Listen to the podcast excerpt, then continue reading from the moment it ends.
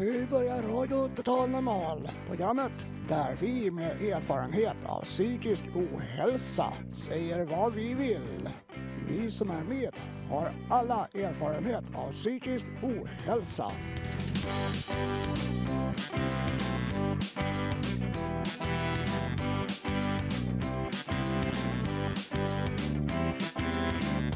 Du lyssnar på Radio Total Normal 101,1 MHz. Totalt normalt. Radio Total Normal. Torsdagar från två till halv fyra. Vi livesänder med publik från Götgatan 38 i Stockholm.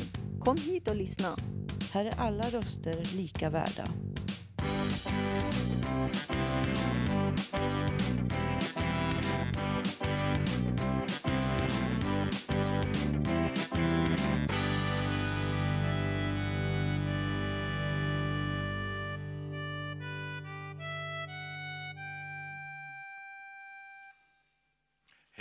Hjärtligt välkomna till Radio Total Normal.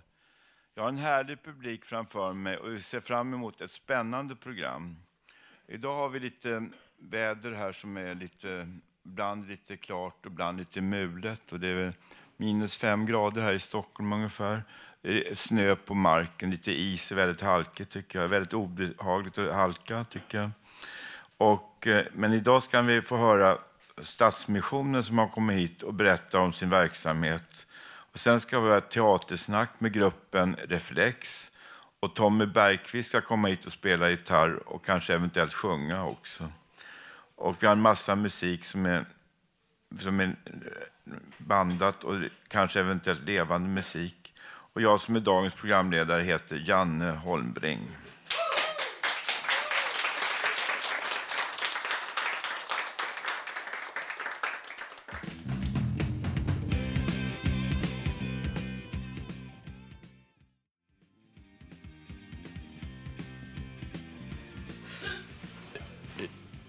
Ja, det här är Radio Total Normal. Vi sänder från Götgatan 38 de flesta torsdagar om året klockan två till halv fyra på frekvensen 101,1 MHz. Och nu ska vi ha, har vi fått ett väldigt fint besök från Stadsmissionens gymnasieskola här på Radio Total Normal. Och de är på studiebesök men ska också få passa på att berätta lite om skolan med oss. För att göra det har vi Valeria och Mie. Välkomna! Tack så mycket. Um, vi är från Stadsmissionens gymnasieskola. Och, uh, på vår skola så är vi cirka 140 gymnasieelever. Och uh, sen har vi ju andra program. Vi har ju uh, Folkhögskolan och vad har vi mer? Folkhögskolan och så har vi... Um, har vi inte typ komvux också? Ja, komvux ja. har vi också. Så totalt är vi 400 elever, så det är en rätt så liten skola, tycker jag. Ja, den är ju liten vi känner alla. Eller jag ja. känner nästan alltså, Det är alla. en väldigt bra skola faktiskt. För alla känner alla så man har en så här gemensamskap tillsammans. Typ. Ja, nu ska jag ställa några frågor till er här. Kan ni berätta något om skolan? Vad, vad, vad är det för inriktning, kurserna och eh, lärarna? Om ni är nöjda med era lärare och vad som är bra och vad som kan göras bättre då i skolan? Ja, Ja, vi kan börja med lärarna. Alltså, mm, ja, vi är rätt nöjda med dem. Det är inte alltid rättvist, men vi pratar alltid ut om det är någonting som inte stämmer. Vi trivs med dem. Vissa är lite närmare än andra. Vi ses som vänner, kollegor, någon som hjälper oss. Ja, har ni någon särskild inriktning på skolan? Finns det olika inriktningar och olika mål man har då? Som olika jag läste ju speciell särskild kurs i tyska, särskild kurs i matematik och särskild kurs i engelska. Och så vidare. När jag gick på den tiden, då, på 66, började jag väl på Tekniska gymnasiet i Linköping. Då, då. Om det är speciella inriktningar, leder det till samma eh, mål eller finns det olika mål där? Då, inriktningar, specialiteter? Då, då? Vi har två olika alltså inriktningar. Vi har biståndsprogrammet och omvårdnadsprogrammet. Men i år eller någon, typ för ett tag sedan så kom det två nya program som är estet och handel. Och alla olika program har ju sina speciella inriktningar och liksom huvudämnen och sånt. Um, ja. Vi har byggt om i skolan också. Eh, Vi hade en second hand-butik bredvid oss. Den flyttar de upp till centrum, så vi har fått nya klassrum. Eh, De ska vara anpassade till oss gymnasieelever för vi är på våning ett och så är resten av eh, verksamheterna på andra och tredje. Och sen bottenvåningen har vi, eh, har vi SFI. Ja. Ja, och så har vi SFI också. SFI förkortar svenska för Ja, invandrare. svenska för invandrare, det har Ja, vi också. jätteduktigt. Vilken klass går ni i nu? Vi går i sista. Årskurs Ja. tre på omvårdnadsprogrammet. sista året. Så ni kommer bli eh, vad heter det, socionomer då? Eller? Nej, vi, när vi tar studenten så kommer vi vara undersköterskor. Jaha, Och sen får vi plugga vidare. Får hälsa till min systerdotter Melissa som är undersköterska också. Okej. Och varför är ni här på Radio Total Normal idag? Eh, Just nu håller vi på att läsa socialpsykiatri och då har vi läst mycket om psykisk ohälsa och vi har eh, haft fördjupningsarbete och läst om typ olika så här, schizofreni och psykoser och sånt. Och så har vi... Ja, Vet vi, ni vad schizofreni är för någonting? Och psykos då? då?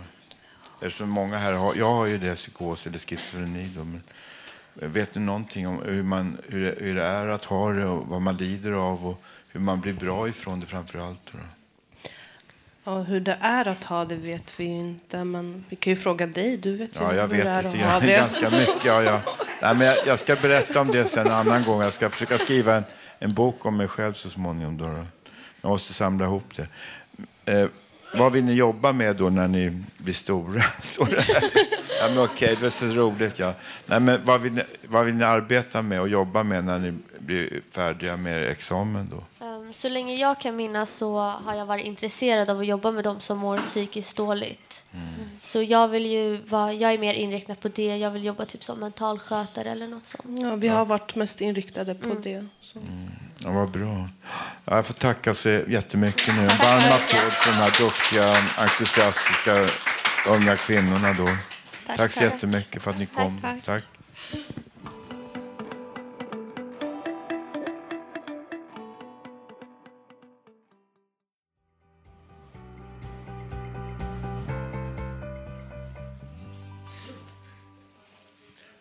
Ja, det här är Radio Total Normal.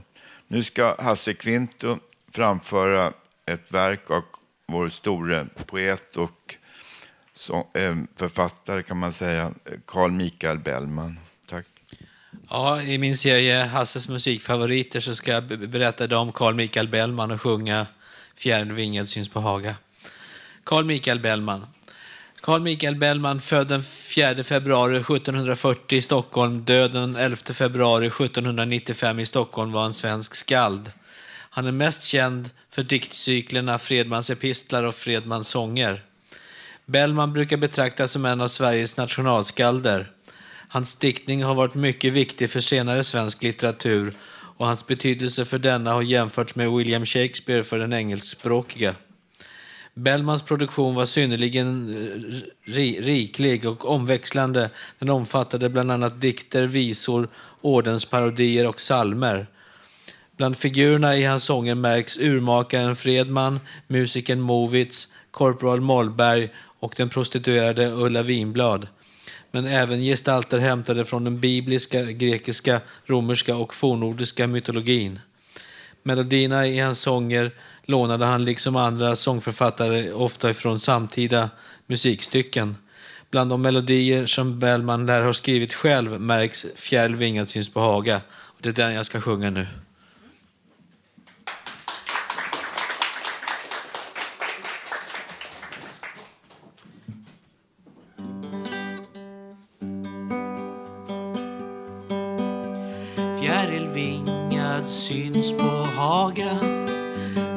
Dimmors frost och dun.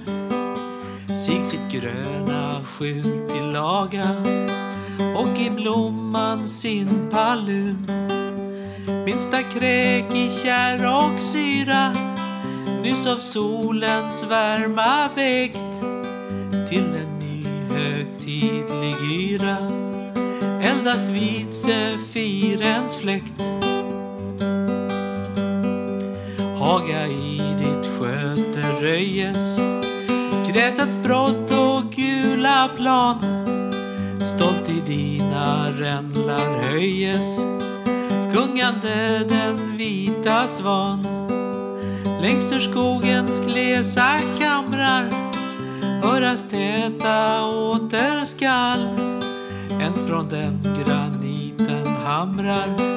En från yx i björk och tall. Se Brunnsvikens små najader höja sina gyllne horn och de frusande kaskader sprutas över Solna torn. Underskyggd av vävda stammar på den väg man städat ser fålen nys och julen dammar åt Haga ler bonden milt åt Haga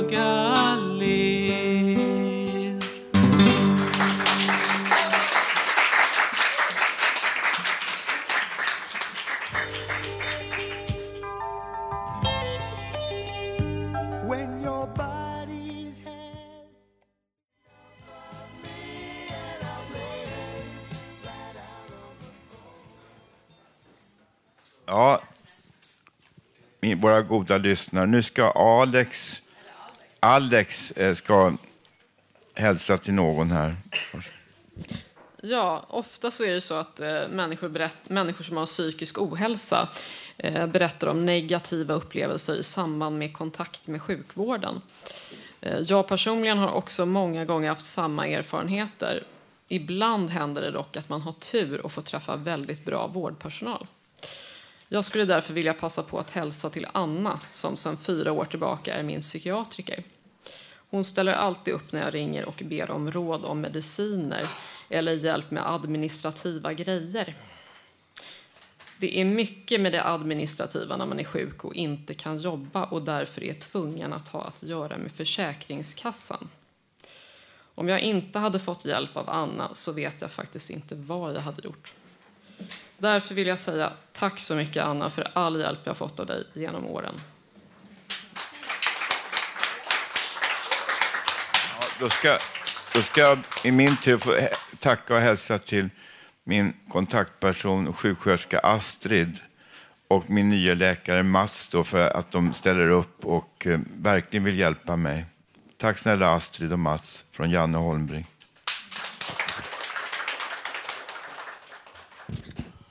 Ja, nu ska Erik från ungdomsredaktionen berätta om sin låt Pachebel.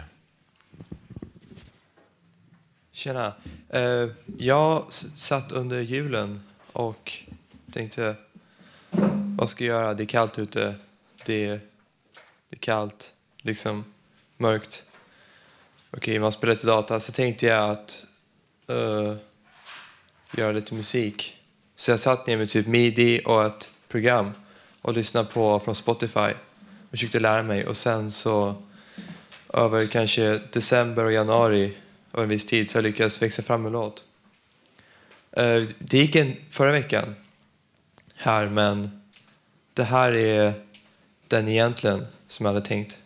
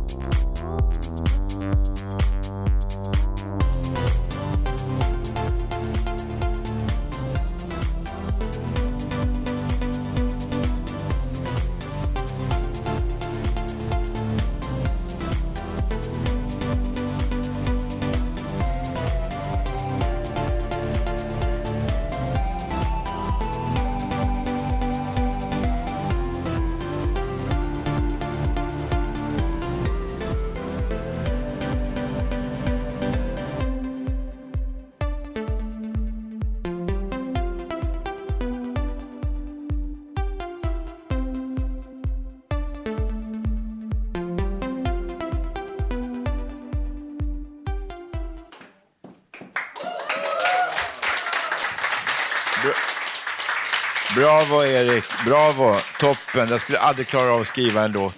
Jag kan komma ihåg en hel symfoni i huvudet, Dvoraks nionde symfoni, men jag kan inte spela på ett instrument. Det kan ju du göra. Eh, Erik, jag tänkte fråga, vad, vad tänkte du på när du eh, skrev den här låten? Alltså jag ville ha någonting som hade lite somrigt ljud. Det passade under vintern. Jag hade lyssnat mycket på så här piano house, eh, så här Basto och Avicii och sånt. Och sen så tänkte jag eh, se om jag kunde göra något liknande. Och så, så satt jag med skiten i flera timmar. Och sen så satt vi, sen hade vi på studiet också, det var en tidigare version där det inte var någon, eh, någon eh, ingen effekt på och sådär. Eh, och sen så fixade vi igår så det blev lite mer mixat och sådär. Och sen så tänkte jag lägga på hemma också en, en uppåt-effekt, en rise, men det kom det blev lite fel tempo på det. Men jag tror det funkar i alla fall. Men det ska vara så här lite Swedish house, lite pop, pop house. Det är alltså kul att kunna se om man kan göra något sånt och typ eh, tro att man kan och kan åstadkomma det. Och inte bara typ, det finns på Spotify. Man kan överbevisa sig. Ja, tack så mycket. Tack Erik för att du har sjungit och eh, spelat musiken. Då. Ja, nu ska vi få följa med Ida Idamo Moberg från Ungredaktionen ut på stan på temat LVU. Det betyder lagen om vård av unga tror jag. Hej, det är Ida. Står här vid Björns trädgård. Jag är för feg för att gå fram till folk och fråga frågor som när är det okej att tvångsomhänderta ett barn? Det känns som att jag kastar mig själv som en äcklig slime i ansiktet på folk när jag ställer sådana frågor. Så det här går inget bra. Det är tomt idag. Tom dag idag. Och barnen leker. Jag önskar att min son var här. Men jag har fastnat i spindelnätet av förvirrade spindlar som inte har något mönster att väva efter så de försöker bara sopa igen sina misstag, sina sneda knutar och bara fortsätta spinna vidare på med samma, samma opinion som de en gång bildade mot mig. Så att jag känner mig som en slime som kastar mig på folk. Om jag ska fråga när är det okej att tvångsomhänderta ett barn? Vad krävs för att man ska göra det? Ska man berätta, måste man inte berätta det för föräldern innan man gör det också? Ja, klart slut.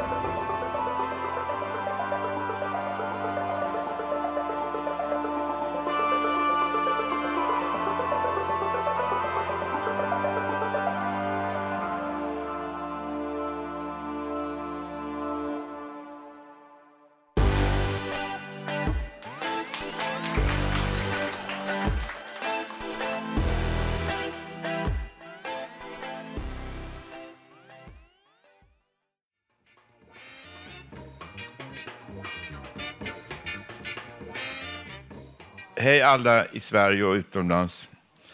Vi, kan, vi sänder på frekvensen 101,1 MHz lokalt över Stockholmsområdet. Man kan även avlyssna oss på webben på www.radiototalnormal.se.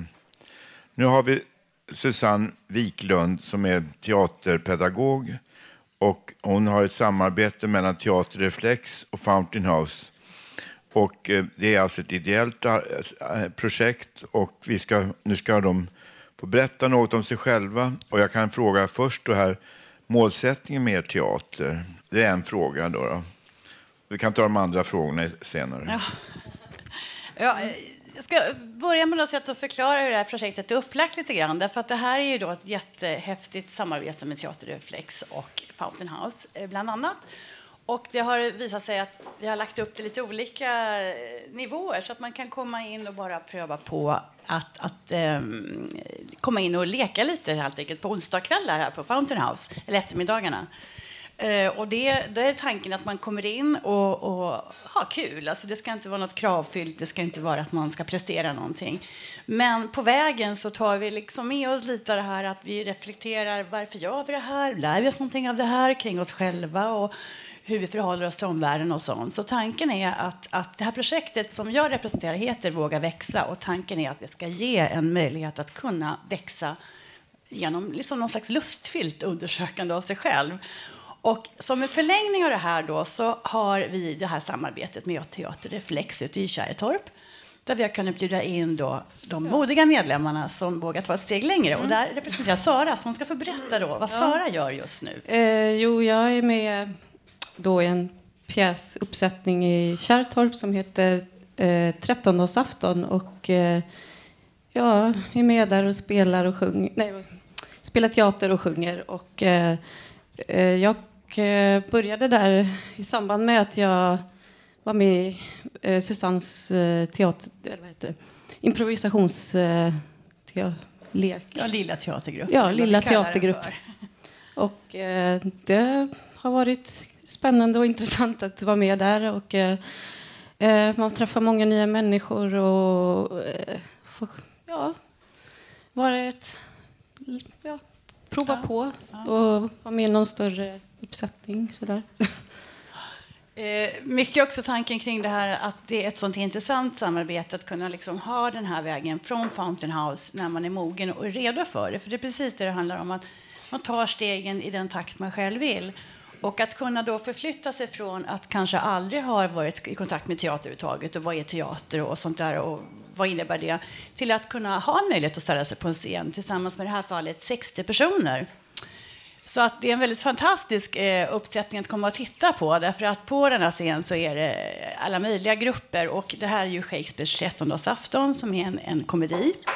Men som är förflyttad till nutid i form av att vi är tillbaka i 50-60-tal. Så att, så att man har då eh, förändrat vissa karaktärer där till exempel då Maria som är en köksa är fyra sångerskor i det här fallet som sjunger en massa roliga kupletter från Radio Nord från den tiden. Och, och vi har eh, två stycken eh, eh, till exempel invandrare som spelar kaptenen som rymmer. Och man kan liksom hitta många, om man kan sin Shakespeare-historia, jag hinner inte prata om den nu, men där, där ser man många såna här saker som har hänt, som förändras.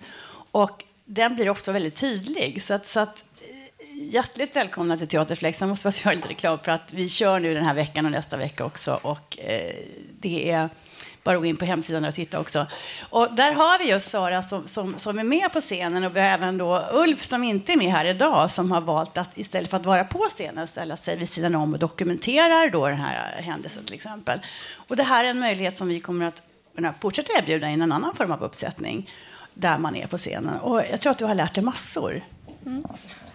En fråga, en, fråga, hallå, en fråga till här då. Måste man ha teaterutbildning för att delta i den här verksamheten? Nej, absolut Nej. inte.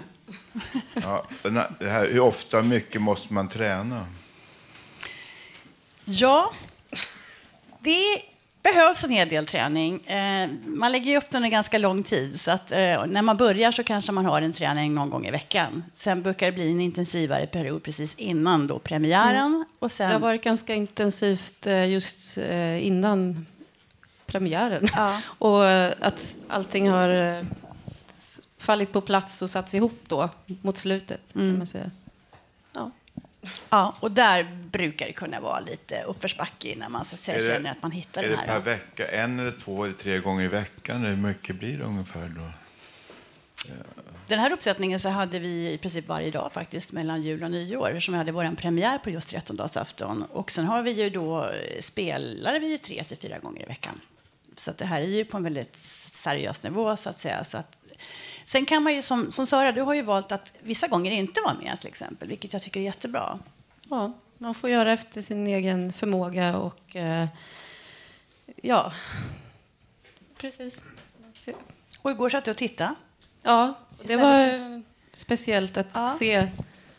Eh, det blev en annan upplevelse av att gå och titta då. Mm. Eller vara med och spela också, tycker jag. Ja. Så att... Eh, Du får jättegärna, jag vet inte hur mycket tid vi Jag har, har men en om det finns fler till frågor nu. utifrån. Sista frågan jag har Mm. skrivit ner här. Vad ger teatern utbyte då för, dels för individen och dels för gruppen? Sara, vad tycker du?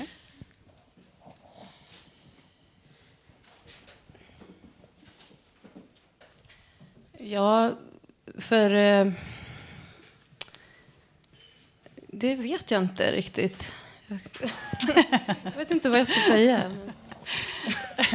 Ja, jag tycker att det ger massor. Jag, jag, jag verkligen från mitt hjärta brinner för, för att få så många som möjligt få uppleva det vi upplever. För det är någonting så fantastiskt. För dels så är det verkligen en personlig resa. Alltså man gör en massa upptäckter om sig själv på vägen. Och man får lära sig förhålla sig till problem och omöjligheter som plötsligt blir möjligheter. Jag vet bara, när vi, om ni kommer att se den så kommer ni se en 300 kilos Harley Davidson på scenen till exempel. Och jag menar, att bara förflytta en sån som vi faktiskt gör från scenen ner för en ramp varje föreställning. Det kändes helt omöjligt i början och det gör vi nu varje föreställning till exempel. Och det är den kollektiva utmaningen. Sen har man en Ja. personlig utmaning också. Mm. Så jag tror att du också har Mm. känt på. Där man kommer till olika frustrationstoppar kanske och, och ena dagen går man hem och känner att man... "Åh." Men sen den här vinsten man gör, att man får ett, ett bra Jo, självförtroende. att man verkligen gör det tillsammans Ja. med många andra och att eh, man lär sig att se det utifrån allas eh, insats. Liksom. Och sen Ja. tror jag att det som är så fantastiskt det är att, att, att man ändå tillsammans kan skapa en enorm glädje som sen når ut till publiken och som sen kommer tillbaka på publiken igen där folk går ut och verkligen är berörda av det vi berättar. Och det är en enorm gåva kan jag säga. Tack så jättemycket då Susanne. Wiklund. Var det så? Wik- Wiklund och Sara. Tack så jättemycket. Ja.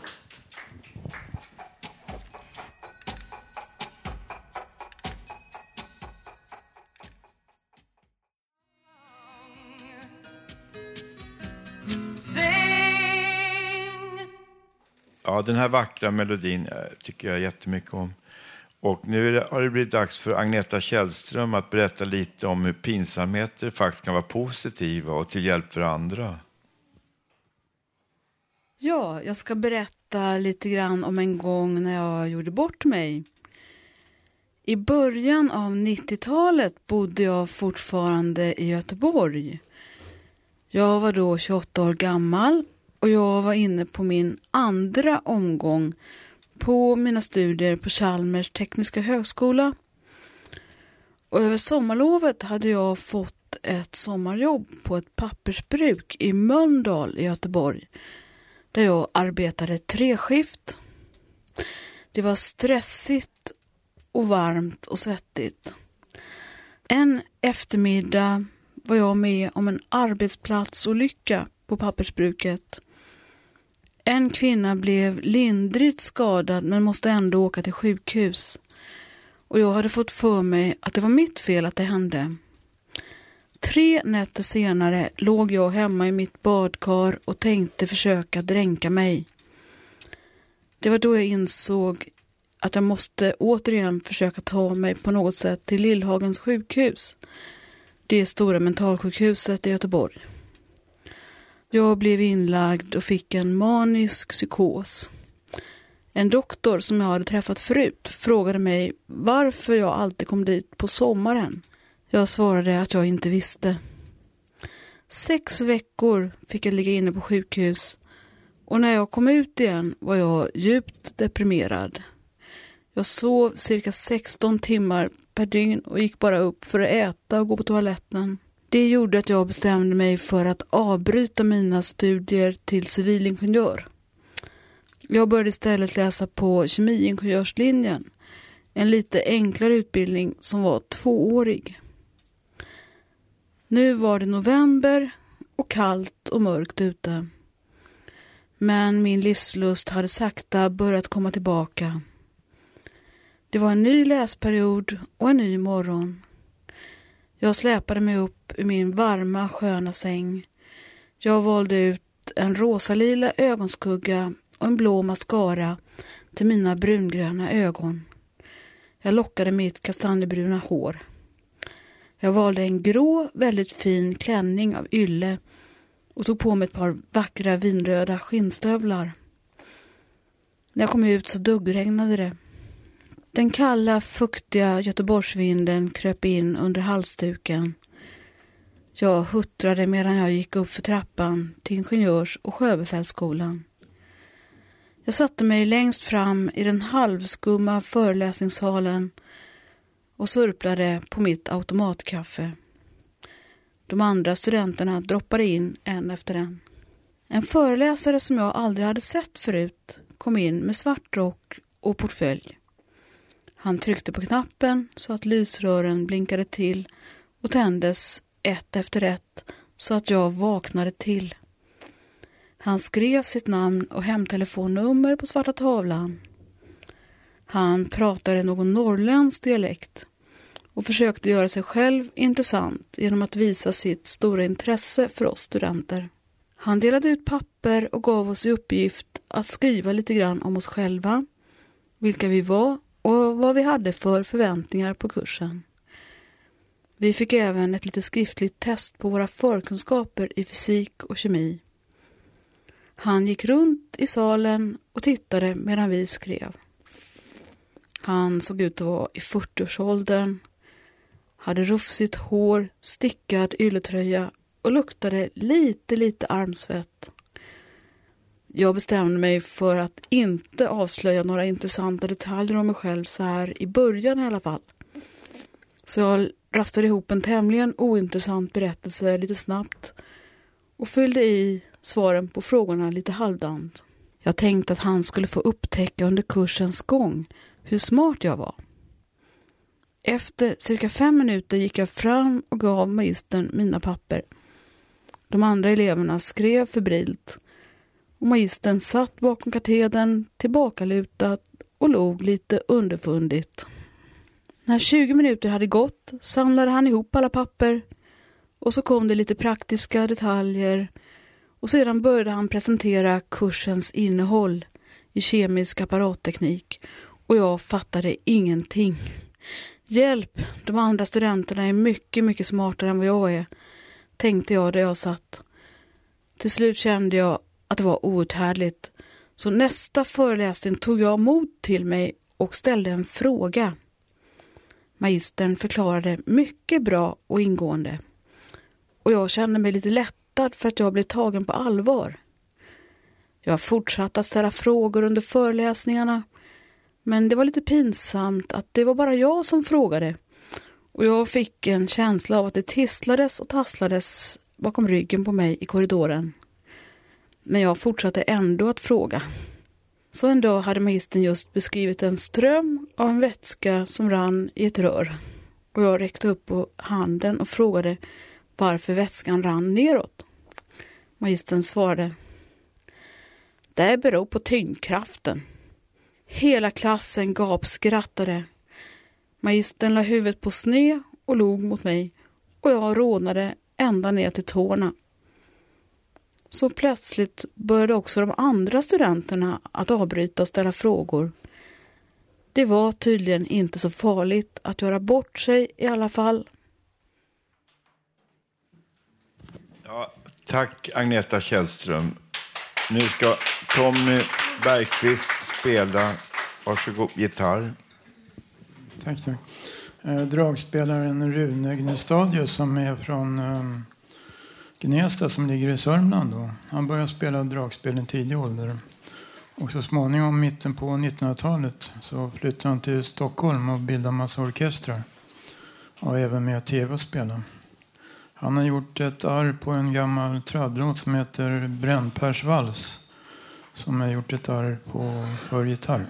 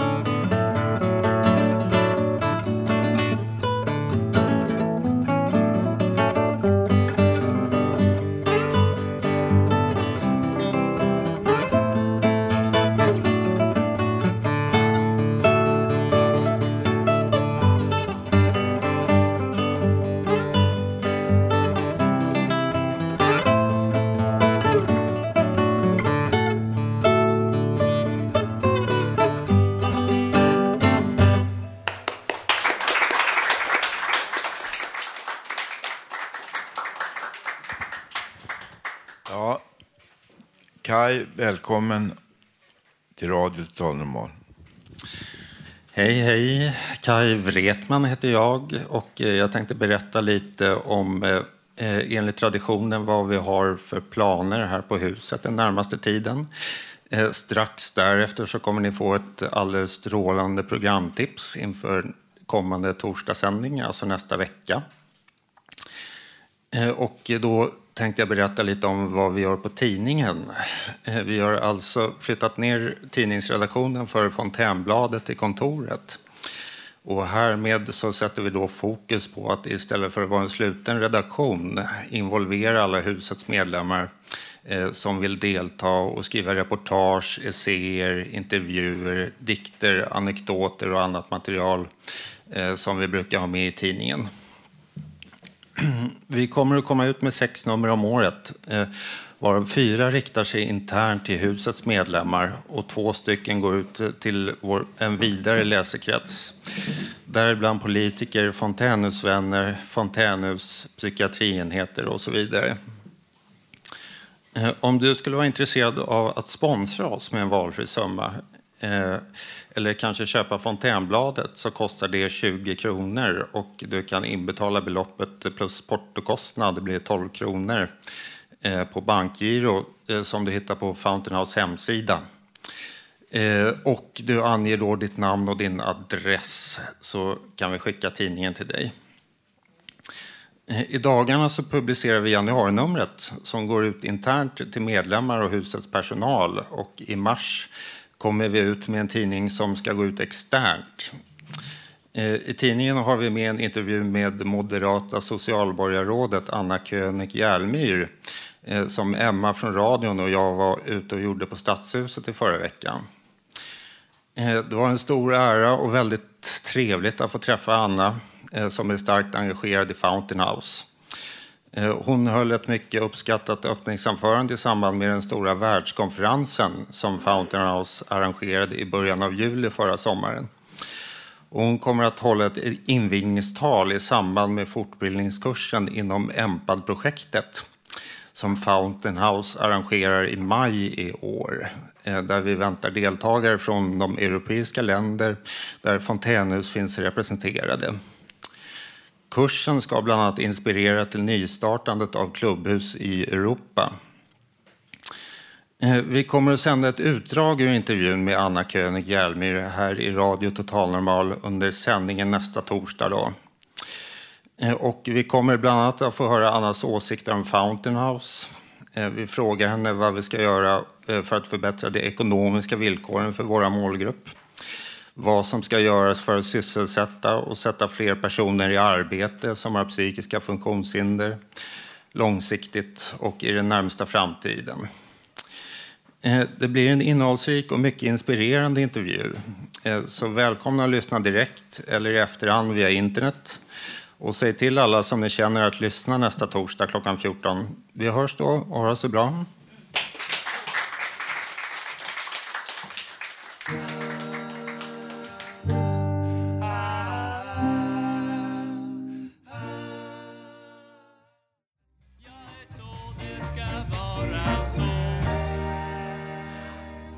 Ja, kära lyssnare i Sverige och utomlands.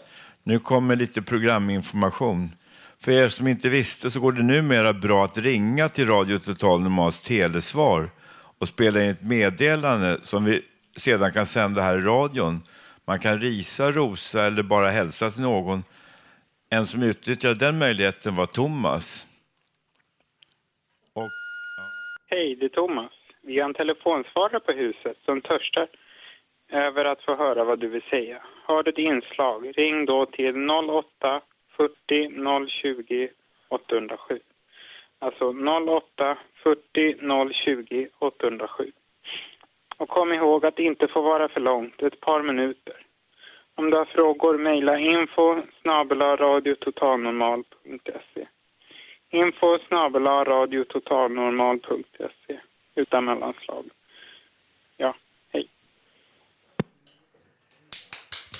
Ja, och nu är konst, vår store konstnär och poet Robert Navelstam. Varsågod Robert. Ja, det här är, kan vi kalla ett kåseri, kan man väl säga helt enkelt. Och det kallar jag väl, vad ska vi sluta? Vad kan man tro om framtiden? På tv hade serier om robotar som ska hjälpa människorna med livet i en snar framtid. Vad kan man tro om framtiden?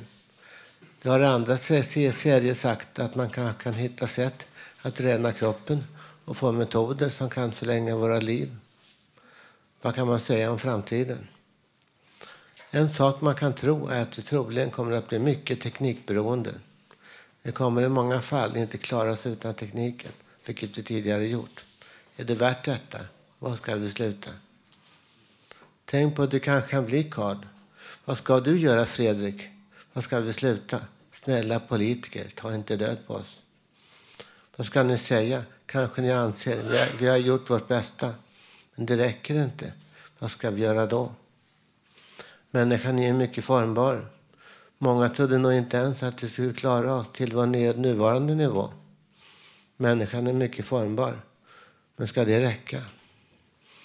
Människor förr i världen de hade hemska sjukdomar. Men i många fall så blev det ju inte många av dem som, som föddes vuxna då. Det sorterades ut. Och enligt evolutionen skulle vi då bli starkare. Var detta en så hemsk formtid? Var folk inte verkligheten ganska nöjda med vad de hade och anpassade till att leva Det i den tiden de levde, när de levde? Var ska vi sluta?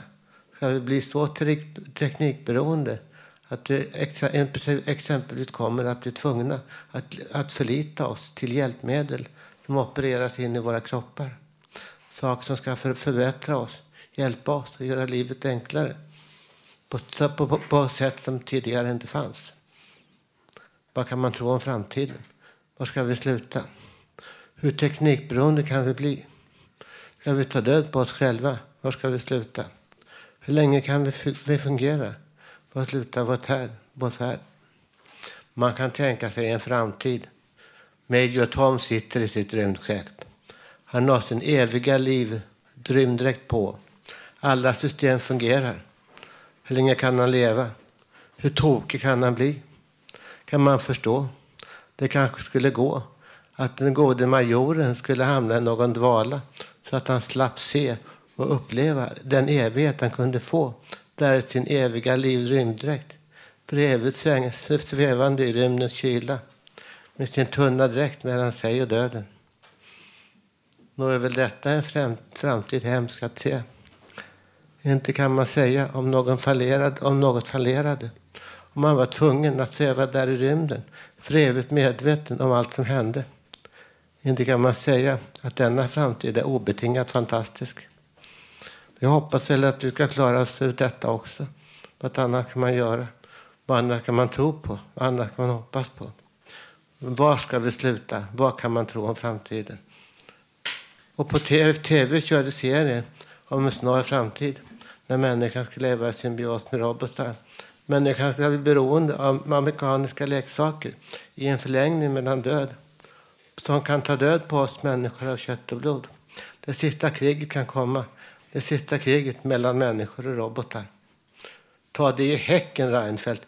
Det här är väl en karamell att smaka på så god som någon. Var ska vi sluta? Ta det på samma ställe, Kalle. Men vi kanske grejar det här också. Tack för mig. Tack.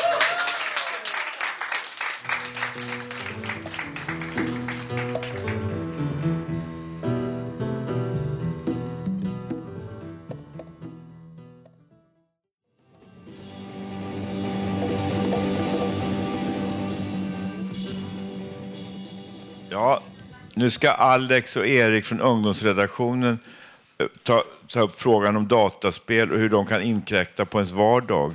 De ska belysa frågan från flera håll och idag beger de sig ut på stan. Varsågoda. Vi ska ut på stan för att intervjua folk som spelar dataspel. Vi kommer antagligen inte att träffa någon eftersom de som spelar dataspel sitter hemma just nu och spelar.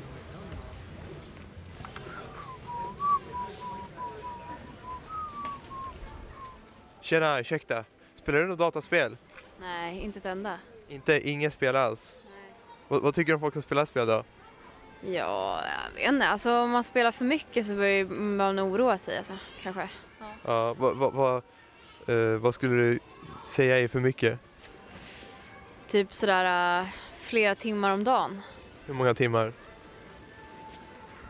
Fyra är väl ganska mycket tycker jag. Det brukar jag köra ibland. Vad tycker du om det? Jag vet inte. ja, men ibland är ju ibland liksom. Men sitter Ja. man så här uh, varje dag liksom. Ja, varje dag. Fyra. Eh, Du gör det eller? nej, inte längre. Eh, jag körde mycket under jul däremot. Då körde jag väldigt mycket. Det kunde vara nästan att det var fanns inte mycket att göra för det var så kallt ute som nu. Så jag, istället för att intervjua folk på stan så brukar jag spela spel hela tiden. Ja, men det tycker jag. Det hade jag gjort också. Men vänta, eh, finns det bättre och sämre spel? Vilka spel är Alltså vilken, finns det någon genre eller något här spel du inte gillar? Det finns vissa spel som är bättre och mer klassiga. Jag kanske låter som en gammal tant men jag, jag tror ju på att, så här, att typ krigsspel och sånt får folk att liksom inte må bra. Kör ni dataspel någon av er? Nej. Ingen? Vill ni eh, prata om dataspel? Berätta någonting för radio? Nej. Tjena, eh, eh, spelar du något dataspel? Ursäkta? Spelar du något dataspel? Nej, Det är för närradio. Nej, tv-spel spelar jag ibland. Ja, vad, vad kör du för spel då? Playstation? Eh, Fifa. Fifa, det sport. Vad, vad, vad tycker du om, är det, gi- gillar du det? Jag har spelat mycket men det är kul när jag spelar, absolut. Inte så mycket. Vad, vad tycker du? Man ska inte spela för mycket eller? Ingen kommentar, det är upp till var och en tycker jag. Okej, det är lugnt om de vill köra. Jag har hört ska hemska wow-historier om man säger så. Men Ja, det var det jag tänkte luska ut till folk lite grann. folk som har blivit eh, lämnade av både fru och barn. Ja. Är det något som du skulle berätta eller? Nej, vi har en gammal kompis som eh, flyttade till en småstad på grund av att han träffade en tjej med barn. Och fastnade i eh, WoW, eller vad det heter, WoW. Två år senare så blev han lämnad. För att han varken jobbade eller sökte jobb. Eller gjorde någonting hemma. Han, sö- han sökte Guilt istället. Ja, precis. Vad skulle, skulle du ha något tips till honom om du skulle ge något tips? Kasta datorn. Kasta dator, kasta WoW också? Ja, absolut alltså. Jag kan, jag kan själv förstå när inte förstår det liksom. Men Han, han fastnade i den här drogen liksom. fastna i tv-spel. Jag är alldeles för rastlös av mig själv liksom. Jag skulle aldrig kunna fastna i något sånt. Men eh, jag har inte ens en tv själv så jag kan inte så här, Fifa är inget beroendespel? Nej, och jag gör det på bortaplan. Jag gör det aldrig hemma. Jag gör det... Ah, Jaha, okej, ja, men det är bra. Det är ganska, det är ganska smart. Yes. Ja, ja, ja, tack så mycket. Tack själv. Ja. Ja, ja, det var kul att, att prata med folk om spel och sånt där. Och hur mycket kö- Det var bara en som körde spel däremot. Vi fick två stycken va, tror jag. Så jag är sirapsseg i huvudet idag. Jag får skylla på oxytocinet. Är det värre än spel? Eh, nej, det är det, abs- det är det absolut inte. Jag skulle aldrig kunna bli beroende av oxytocin. Kan man inte bli det? Nej, det tror jag inte. Oxytocin det är ett hormon som frigörs eh, i kroppen vid beröring och, och som man mår bra av. Och det skapar inte beroende? jo, det kanske det gör. Tanke- Skapa, ska, skapa spelberoende då? Ja. Spelen frigör oxy, Oxycontin. Nej, det, det, jag, jag upplever inte att spel frigör oxytocin. Vad tror du fri, frigör då? Det, det frigör en massa gift i hjärnan.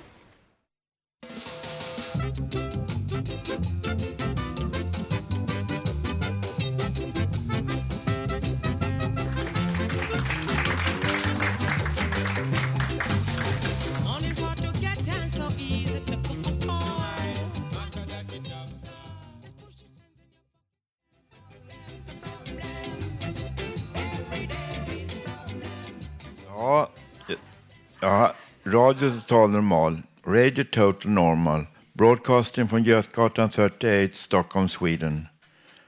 Nu ska Håkan Eriksson eh, eh, göra en visning här på huset där vi sänder Radio Total Normal. Eh, och han är då medlem och dessutom deltagare i radion. Varsågod Håkan. Ja, vi sänder Radio Total från ett av husen på 101 samt direkt mellan 14 och 15 och 30. Vi sänder från Götgatan 38 på Sluss och då till Slussen uppgång Hökens gata. Ni är varmt välkomna att vara med i publiken. Och nu vänder jag mig till alla er andra som sitter och lyssnar på radion i första hand. Vi har tre våningar i huset med olika arbetsuppgifter. Jag ska nu bjuda er som lyssnar på en liten tur i huset. När ni kommer så möts ni av en trevlig medlem som hälsar välkommen.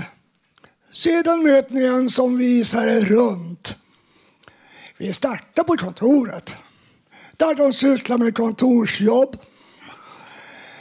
De har också ekonomi samt gör en tidning som Kai talade om tidigare. Också som vi är med och producerar fram själva. Ja, då fortsätter vi en trappa upp. Där ligger vår matsal. Där vi äter lunch. För det mesta är det hemlagat. Det finns alternativ till vegetariskt där också. Där sänder vi även våra program. Då går vi upp en trappa upp till erfarenheten. Vill ni boka ett studiebesök och förbereda info om vår verksamhet ring då 08 714 0160 under kontorstid måndag till fredag. Och jag tänkte avrunda, men innan vi avrundar med en låt som jag tycker i alla fall passar till alla som har psykisk ohälsa. För lyssna gärna på texten på den. För vi är just det. Vi vågar ta, tala om det och inte bara förtränga det. Ja, det är Queen som Och jag vill lyckönska alla er ifrån Stadsmissionen. Lycka till med era utbildningar var det än är. Och framför även det till era egna kamrater där också. Lycka till! Och nu kommer en låt, en låt som Queen har spelat in. Vi are a champion! Här kommer den! Tack för mig! Time after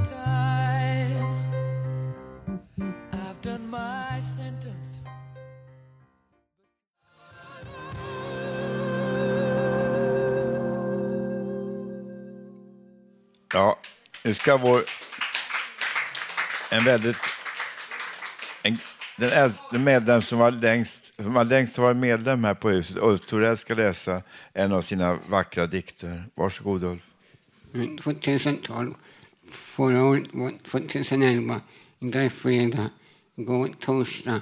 Jag bor i Hammarbyhöjden. Ett fartyg reste för flera år sedan, 1969 till 70.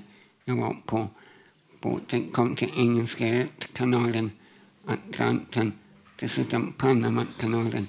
Var Europa på en Sydamerika, Hamburg, Tyskland. en plats till Antwerpen, Belgien. Jag arbetar på Fartarnas kontor Jag är medlem april, maj var vår. Nu januari. Förra månaden var december. Kanske nästa månad i februari. Men för i år 28 frisk. en var höst. Mindre blåser. Månad ljusa. Och det fredag 20 januari.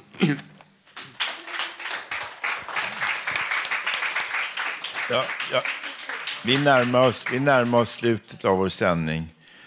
Det här har varit en sändning som, jag, som, är minst 100, som har haft minst 150 sändningar, den här radiostationen. Och eh, vi har fått lära oss lite mer om schizofreni och hur man strävar efter olika saker. Vi har dessutom fått höra en massa härlig musik, poesi och många personliga intressanta texter. Nästa torsdag kan du höra oss igen som vanligt med publik här från Fountain House på Götgatan 38 på Södermalm i Stockholm.